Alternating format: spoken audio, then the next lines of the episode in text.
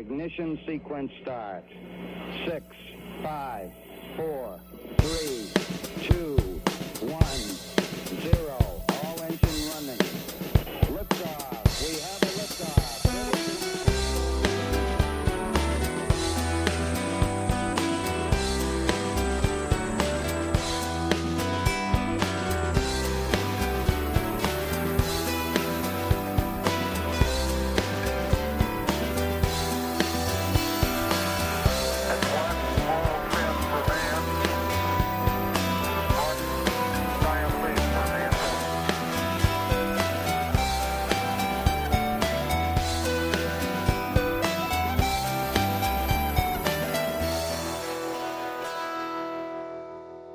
välkomna till Slottspodd, Slottsskogsobservatoriets poddradiosändning. Denna månad är det faktiskt ett helt år sedan Slottspodd hade sin första sändning, vilket vi kommer att fira med ett extra intressant program. Tjoho! Ehm, Så, eh, idag kommer vi att tala om världens största modell av solsystemet, asteroider bara ett stenkast från jorden. Även Neptunus har sina fläckar. Jorden kan dessutom välta när som helst. Svenska satelliter med miljövänligt raketbränsle, blöta kolstjärnor och en av de största utmaningarna i modern kosmologi. Vi som sitter här idag är eh, Gunnar, Hallå, hallå. Emanuel, God afton, god afton. vår praktikant Sara Hej. och jag som heter Katja.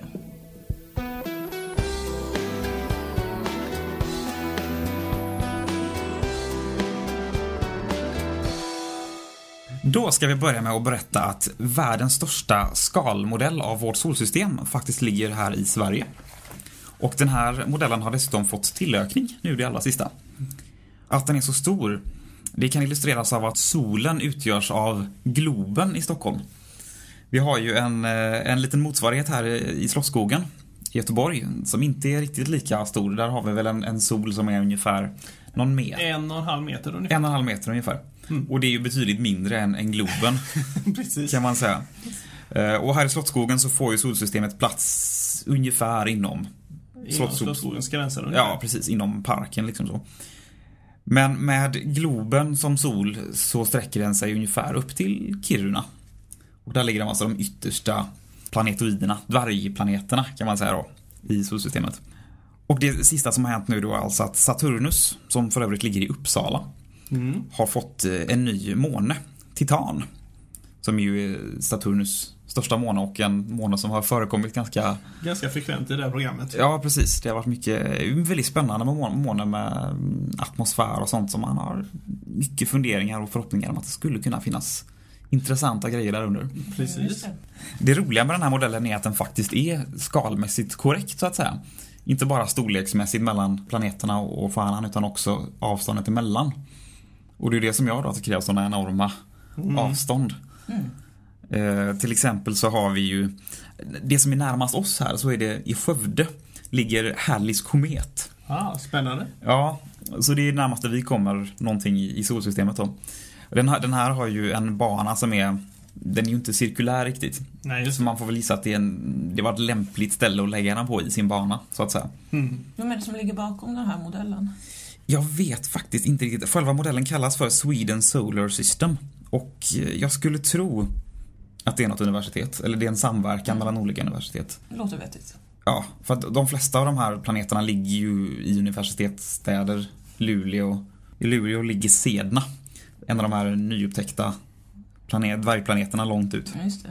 Och i, i, i Uppsala ligger som sagt då eh, Saturnus. Sen ligger Uranus i Gävle, Neptunus i Söderhamn och Pluto ligger i eh, Delsbo.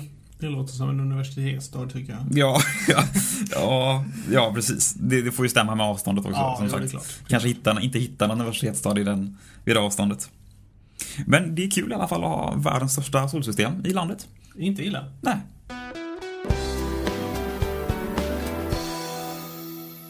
Så sent som eh, förra veckan, i seende stund eh, den 8 september, det vill säga en onsdag, så passerade faktiskt två stycken eh, asteroider förbi jorden innanför månens bana. De här asteroiderna har helt eh, olika banor, de är inte relaterade till varandra på något vis. Okej. Så det är en, en, en lycklig slump, eller vad säger jag, hur lycklig den nu är. Att de Ja. passerar på samma gång. Ja, uppenbarligen. De går under benämningen RF12 och RX30, vilket i och för sig inte säger så mycket. Eh, Det verkar inte finnas någon specifik data angående vare sig den ena eller den andra eftersom eh, storleken an- angavs endast som eh, flera meter i diameter på de båda. Hur som helst så var de ändå tillräckligt stora för att man skulle kunna observera dem genom ett medelstort amatörteleskop. Så, så, vilket är lite intressant med tanke på att asteroider som regel är ganska mörka objekt. Men det är ändå ett par meter. Det är ändå, om de nu är stenasteroider, vilket man får väl gissa att de är. Med Ja, lite is och sånt kanske. Så är det ändå att de riskerar inte att eh, slå i backen i alla fall. Utan de kommer förmodligen bryta sönder och, och brinna upp i atmosfären. Ja, antagligen. För att upp till eh, 20 25 meter ungefär och eh, under förutsättning att asteroiden är av sten så eh, kommer den sprängas i eh, atmosfären av trycket och sådant.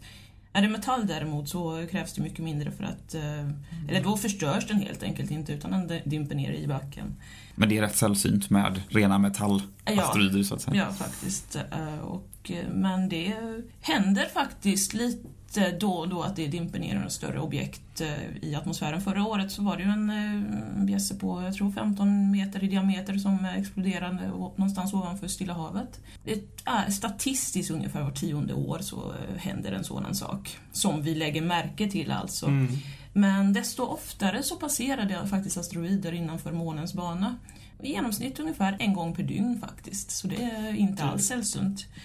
Men det, är, men det är klart, då är det ju, månen är ju rätt långt bort då med sina 400 000 kilometer. Så det känns nära, men det är klart att det kanske inte är så Mm, himla- att tittar man på en skalenlig bild så ser man det att Det det är är, rätt. ganska långt mellan jorden och månen faktiskt. Ja, Precis. precis. Och eh, nu verkar ju de här passera precis mellan eh, eller så att de inte påverkar av vare sig jordens eller månens gravitation i någon Mm. eh, större bemärkelse utan det är bara ja, mitt emellan. De smiter emellan liksom.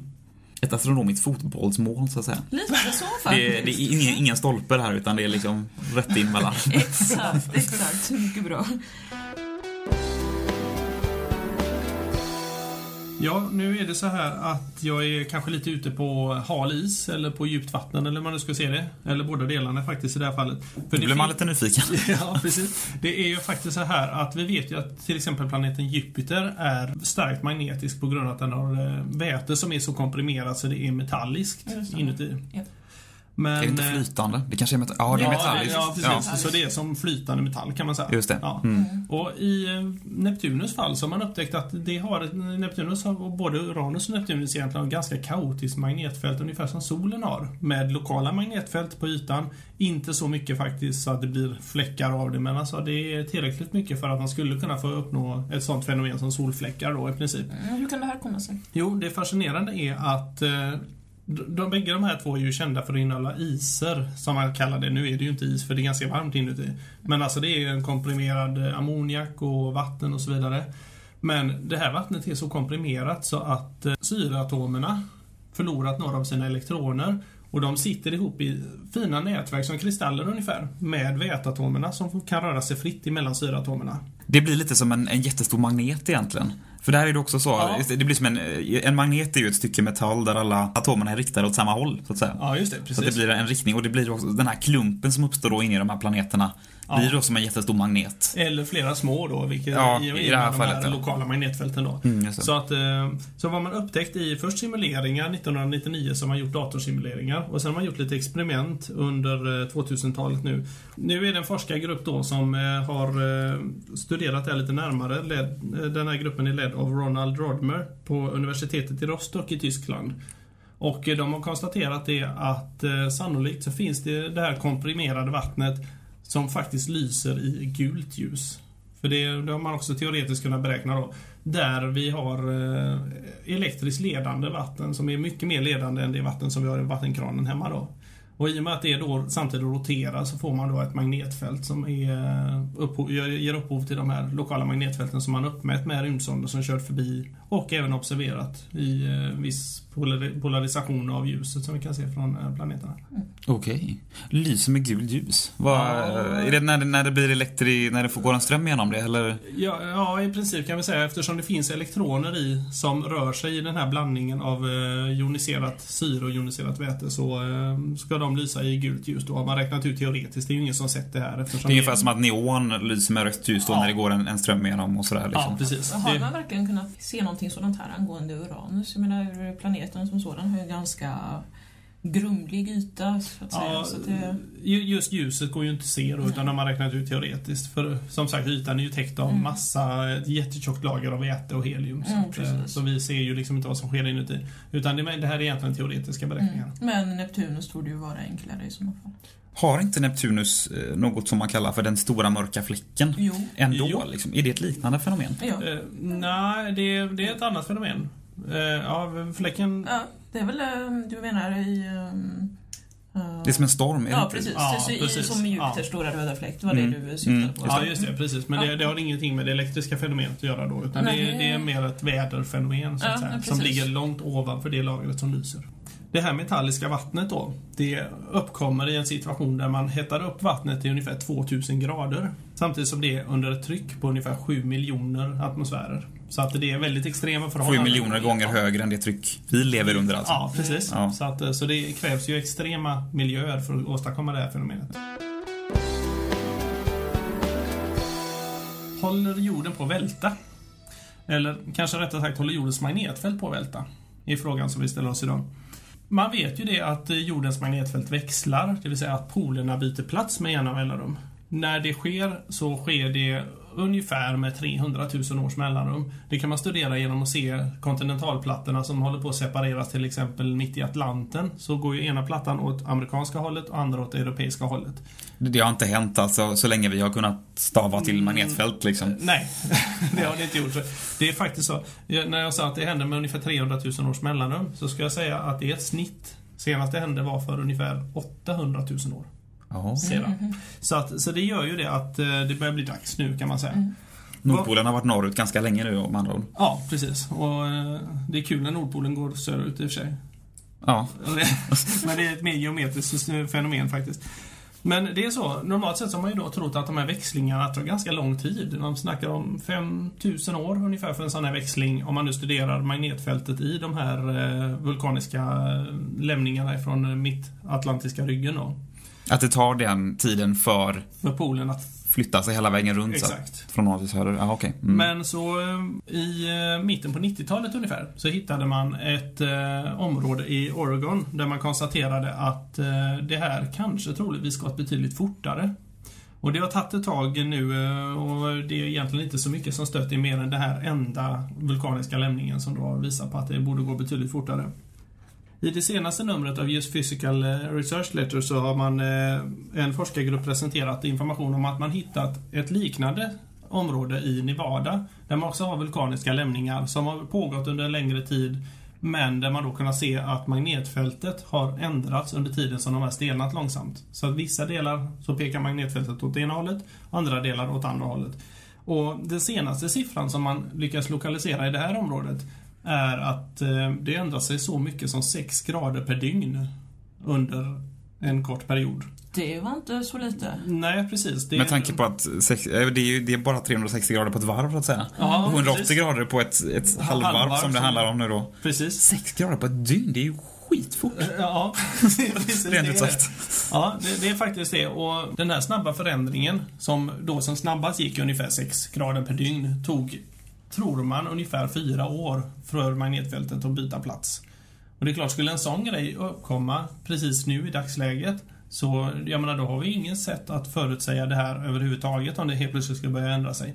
Och det skulle sannolikt ge vissa problem för eh, sådana grejer som eh, till exempel navigationsinstrument och sånt. Vi har i och för sig GPS-satelliterna och de kanske klarar sig hyfsat bra. Men samtidigt, det är klart att försvinner magnetfältet eller ändrar sig väldigt plötsligt då kan man få en extrem instrålning och kosmisk strålning och sånt som slår ihjäl de här stackars satelliterna. Får vi göra som på den gamla goda tiden, navigera efter stjärnorna?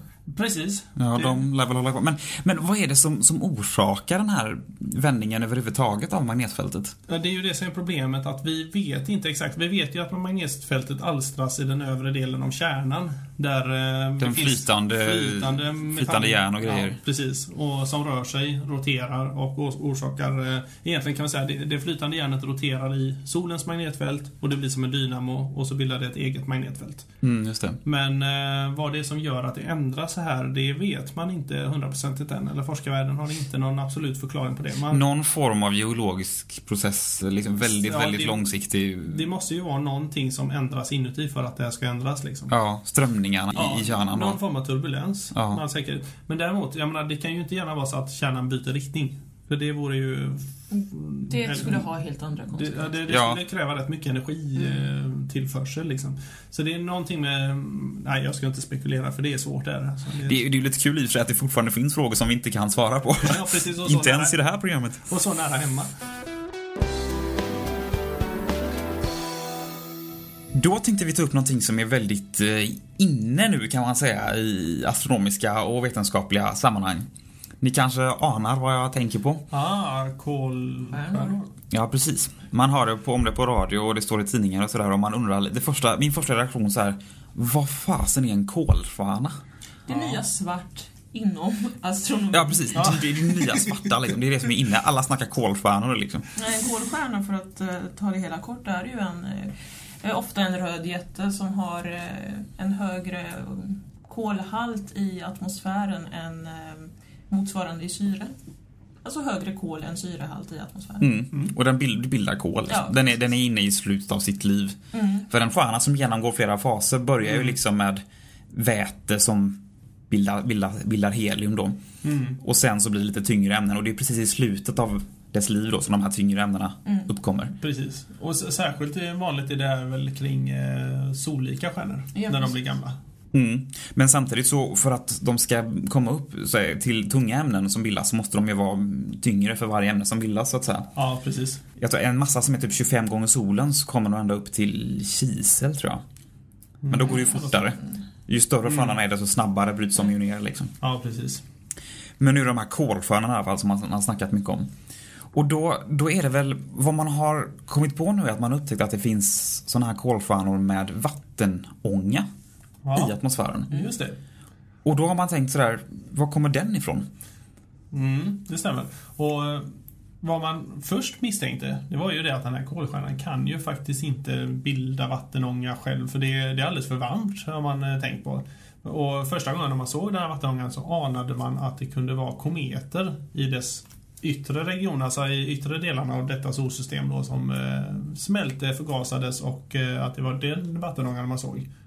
Lite som man tror att kanske jorden har fått sitt vatten ifrån då. Ja. Eller en teori då, att, man, att det är inte kometer som har Precis. lämnat av det så att säga. Och så visade det sig att det var det helt enkelt för varmt för. Det alltså, det kommer inte från kometer.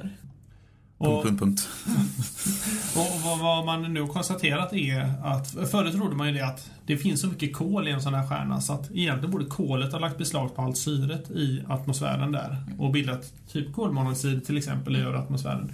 Det visar sig ju faktiskt då att eh, när kolet konkurrerar med vätet om syret så finns det faktiskt tillräckligt mycket eh, syre som reagerar med väte för att bilda den här mängden vattenånga som man har hittat. Men den nya teorin är alltså att det inte har kommit från kometer utan att det har kommit, det har bildats i stjärnan alltså. Precis. Och, och lig- ligger där som en slags bastudimma eh, och, och flyter på Ja. solvinden liksom då. Precis, och forslas utåt hela tiden. Man- För man ser ju också det att det är i solvinden, för man kan se på hastigheterna på det här vattnet, att det inte är stillastående vatten utan det är vatten som är i, till största delen på väg emot oss då ifrån den här stjärnan. Mm. Givetvis så finns det lika mycket vatten på andra sidan som är på väg ifrån oss, men det ser vi ju då givetvis inte. Nej. Rent spontant så känns det ju liksom lite, lite konstigt att det finns vattenånga som håller ihop på en stjärna liksom. Stjärna är ju, det, det blir ju inte varmare än så på något sätt. Eller klart, det blir ju lite supernovor och sådär. Men, men det känns som att, att den här molekylen, vattenmolekylen, ska överhuvudtaget Mm. hålla ihop. Men, men det är nog inte så konstigt när man tänker efter, för om man tänker en vanlig sån här bunsenbrännare när man kör på väte och eh, syre för Mm. att elda för att få riktigt hög temperatur så kommer ju lågan upp i flera tusen grader. Och övre atmosfären på de här stjärnorna är faktiskt ganska sval. Det är, I det här fallet, den här temperaturen vi mätte upp, som forskarna mätte upp då, ligger på ungefär 800 grader. Okej. Du kan lita på mig. Ja. och upptäckten som sådan ger ju eh, forskarna mycket att bita i i dagsläget. För alla rådande teorier kring det här med hur atmosfärerna fungerar kring en stjärna fallerar ju lite grann för man har ju hela tiden trott att eh, det, det inte var möjligt att bilda den sortens molekyler. Nej. Men återigen, alltså, det, man blir lite glad när det är frågor man inte kan Ja. svara på helt och hållet. Alltså. I somras, den 15 juni närmare bestämt, så hände det en rolig grej. För att då skickade man upp två svenska satelliter. Och det har ju hänt förut att, att Sverige är ju en, en, en nation där man tillverkar en del sådana astronomiska komponenter så att säga till olika NASA och ESA-projekt och sådär. Det är ganska stora projekt faktiskt. Ja, den, den här Cassini-sonden Till exempel. som åkte till Saturnus och Titan Ja, just det. kommer ju, har ju Saab Ericsson Space, heter de väl, Ja, gjort delar till. Ariane 5-raketen. Till Ja. exempel. Så att vi, vi är rätt bra på det i Sverige alltså. Eh, Men nu har man alltså skickat upp den 15 juni två helsvenska satelliter. Som har de ganska trevliga namnen Mango och Tango. Och de här skickades upp med en, en rysk raket som heter Dneper från den ryska basen Jasnich. Och eh, de åkte också upp tillsammans med den här eh, franska satelliten som vi nämnde i förra programmet, Picard. Ja, just det. Den har kommit upp nu ja. Ja, precis. Trevligt. Så de åkte, åkte kollektivt upp kan man säga. Tillsammans. De här svenska satelliterna då, Mango och Tango, deras syfte är i första hand att testa och demonstrera nya tekniker för eh, avancerade flygmanövrar i rymden. Okej. Dockningsmanövrar och, och olika... Man skulle kunna säga att de håller på med en avancerad form av rymdkonstflygning. Ah, härligt. Li- Lite, lite konståkning på rymdnivå skulle man kunna säga. Med, med nya tekniker och nya eh, angreppssätt för att göra det liksom säkrare att docka rymdstationer och, och sådana där grejer. När man skickar upp de här ifrån den ryska stationen så satt operationsteamet här hemma i Sverige, i Solna närmare bestämt. Och eh, man var väldigt nervös för det här och liksom det, Den första kontakten med de här satelliterna man fick då efter att de sköts upp var när de passerade över S-Range i Kiruna. Okej. Så att det var ju en liten stund där i början som man var rätt eh, nervös innan man fick så att säga reda på att allt hade gått bra och sådär. Och då hade man också det här, ett fönster på 12 minuter när man kunde kommunicera med dem ifrån Sverige. Så, så det var ju mycket som skulle hinnas för de här 12 minuterna och om någonting hade gått fel så var det ju liksom minutiösa förberedelser för att kolla vad är det som är fel, vad kan vi göra för att rädda det här. Men man hade tur, eller man hade varit skicklig, eller ryssarna hade varit skickliga, eller det hade gått bra helt enkelt. En rolig grej med de här Mango Tango är att de drivs, ja, dels med solpaneler då. Och dels med ett raketbränsle som är nytt och svensk tillverkat som man kallar för HPGP. Som står för High Performance Green Propulsion. Green Propulsion, det är alltså ett, ett miljövänligt raketbränsle. Ja, det är inte illa för det har man hört mycket vad de här andra kan eh, skicka ut. Vi har de här hemska oxidationsmedlen som ramlar ner över Kazakstan som Ryssland... eh, Och det är ja, enorma mängder Ja. Mm. eh, fotogen och grejer och, och sånt här. Så det, det har man ju som, som miljöengagerad också funderat lite på Mm. hur ansvarsfull man kan vara om man nu är, tycker det är kul med astronomi och sådär. Men uppenbarligen så, så funkar det där också. Mm. Och det är kul tycker jag att, eh, att, att vi syns i Sverige också vad gäller sådana grejer. För det är viktigt att visa att även på de här områdena, Så går det att göra miljövänliga alternativ. ja, ja precis. Och inte bara alternativ utan det kanske är det här som gäller. Och förhoppningsvis så kan det inspirera folk också. Ja, precis. Man har testat raketstötar och grejer och det verkar fungera kanonbra. Det här HPGP baseras på ett ammoniumsalt som är blandat med ammonium, ammoniumjoner och eh, metanol. Jaha. Så det är väl från metanolen som själva energin i, i bränslet kommer då liksom. Mm. Och det kan man ju rent teoretiskt framställa ur svensk skogsråvara, ur bark och, Ja, precis. och rötter liksom. Så att det, det känns kul alltså. Ja. Men, men huvudsyftet är alltså, det här bränslet är ju en, en bitest kan man säga. Utan huvudsyftet är att eh, testa de här avancerade flygmanövrarna och dockningarna och, och sådär. Det finns en film ute faktiskt på Rymdstyrelsens hemsida tror jag. Det finns säkert på YouTube också. Där man ser eh, hur de dansar de här eh, satelliterna med varandra. Ah. Och ja, det är väl kanske vi rymdnördar som säger att de dansar kanske. De andra skulle väl säga att de åker runt varandra. Men, för man, jag, jag tänker lite den här som i Wall-E liksom när, de, när han Ja. flyger med den här eld, eh, eldsläckningsgrejen. Men riktigt så ser det kanske inte ut. Men något åt det hållet. Där de nämner tango.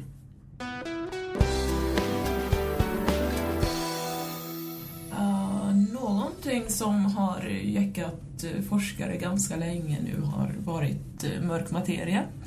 Men det finns någonting som faktiskt är snäppet värre och det är den så kallade mörka energin.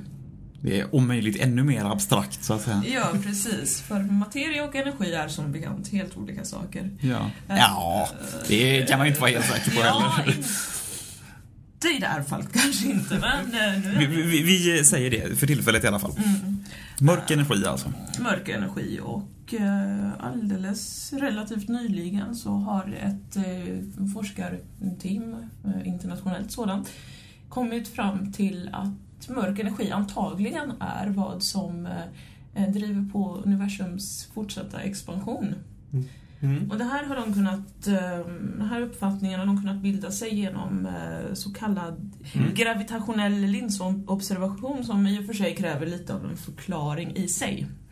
Eh, Det är väl att man använder någon form av himlakropp som är tung som, som en lins för att alltså gravitationen böjer ljuset. mm, Så, ja, så att det är oftast- lite som en, som en optisk lins fast med gravitation istället. Exakt, eh, oftast väldigt avlägsna galaxhopar och dylikt och sådant. Och det här är en metod som eh, Einstein faktiskt eh, förutsade på sin tid. Mm, just det. Eh, Jo, eh, genom att eh, observera galaxhopen Abell 1689 kan de här astronomerna alltså rekonstruera vägen som ljuset från eh, avlägsna galaxer tar under sin långa färd till jorden.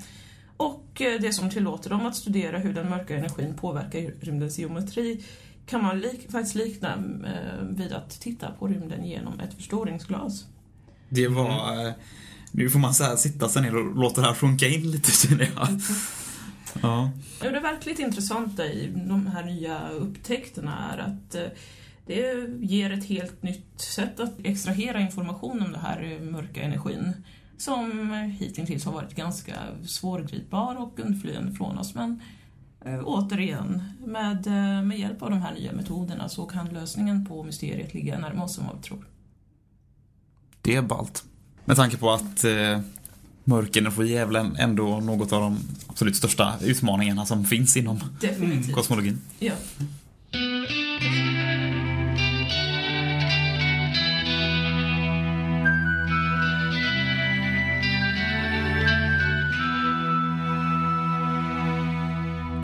Hur kan exoplaneter bli så stora?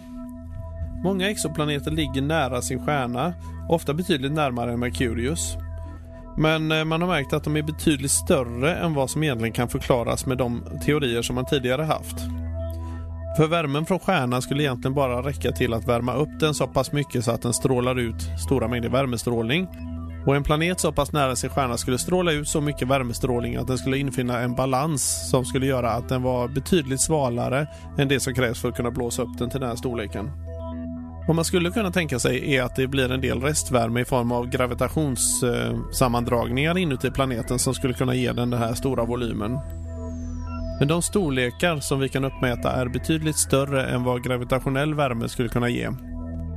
Konstantin Batygin och eh, David Stevenson på California Institute of Technology har en annan förklaring, nämligen joniserande strålning från stjärnan. För den joniserande strålningen skulle kunna frigöra elektroner och elektronerna skulle sedan föras eh, runt med vindar runt planetens övre atmosfär. Och de här strömmarna som då blir när elektronerna rör sig i atmosfären skulle bilda ett sådant stort magnetfält och sen djupgående strömmar som i sin tur hettar upp planeten inifrån till över 2000 grader. Och denna teori förklarar betydligt bättre de storlekar vi kan se idag.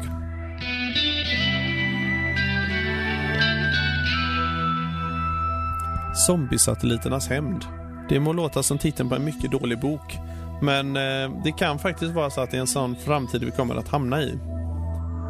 Som du kanske minns så rapporterades det den 10 februari 2009 om en eh, satellitkrasch mellan en kommunikationssatellit som heter Iridium 33 och den gamla döda Cosmos 2251, en rysk eh, satellit. Med en relativ hastighet av 42 100 km i timmen så pulveriserades delar av satelliterna och numera så har man hittat i det här området ett moln av partiklar, ungefär 2000 fragment som är över 10 cm i diameter. De här partiklarna rör sig i ungefär samma banor som satelliterna gjorde från början, fast med en betydligt större spridning.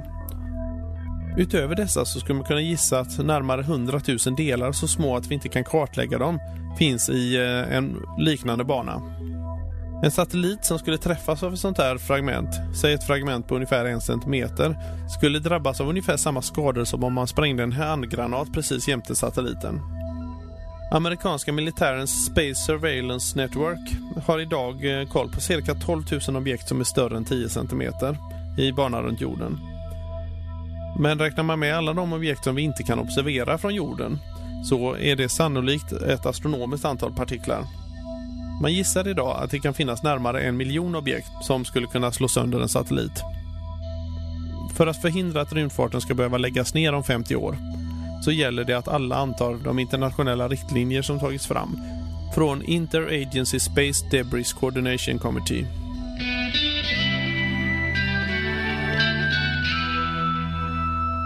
Att hemliga möten riskerar att inte förbli sig hemliga, det anade nog många. Det har nu även Kina fått erfara. I New Scientist 4 september berättas om just ett sådant möte mellan två stycken kinesiska satelliter. Vad som oroar bland annat NASA är att just denna typen av precision kan användas för både gott och ont syfte. I detta fall tros det dock vara ett steg närmare en egen kinesisk rymdstation.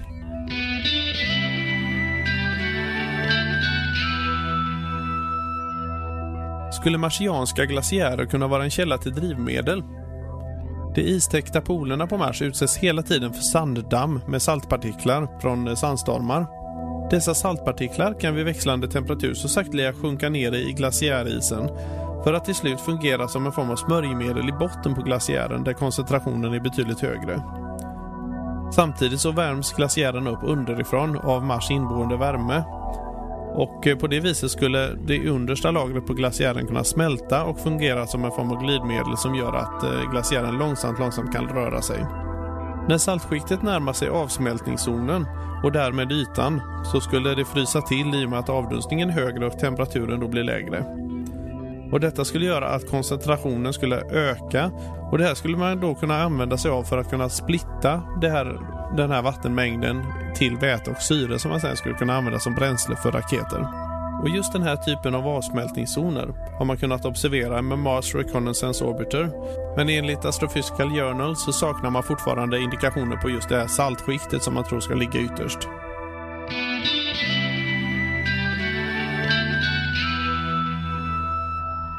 Den tidigaste observationen av Halleys komet är tillbakaflyttad nästan 240 år. Någonstans mellan 468 och 466 före vår tidräkning talas i flera antika skrifter om en stor meteorit stor som ett vagnslass som kraschade ner i norra delarna av Grekland.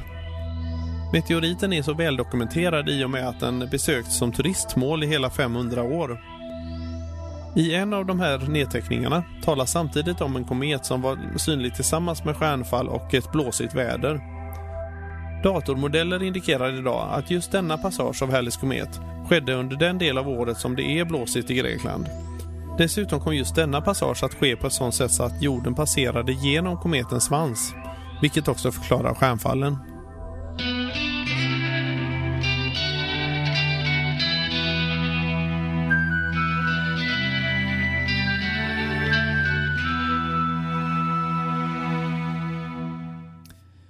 Har det blivit dags för stjärnhimlen under oktober månad.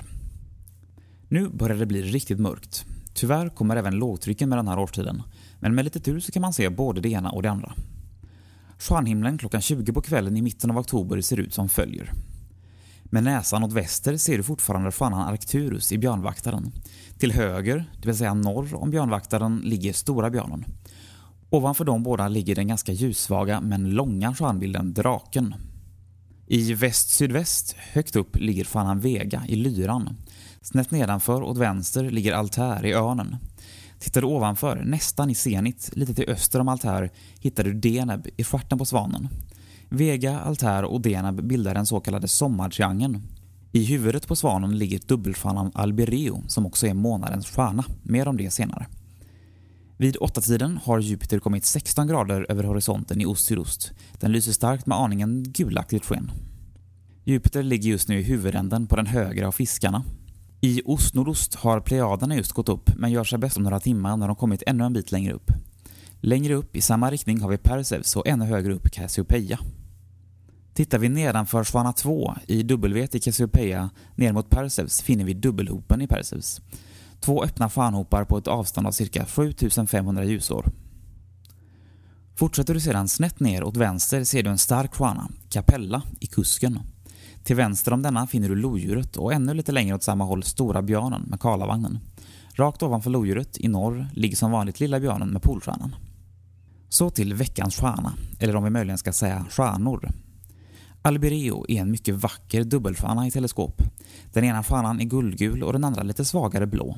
Den guldgula stjärnan är egentligen en dubbelstjärna i sig, med två stjärnor i rörelse runt varandra. Denna dubbelstjärna kräver ett 20-tums teleskop och en extremt bra himmel för att kunna urskiljas. Den blå stjärnan har en temperatur på 13 000 Kelvin och roterar snabbt. Vid ekvatorn är hastigheten 250 km per sekund. Albireo ligger 380 ljusår ifrån jorden.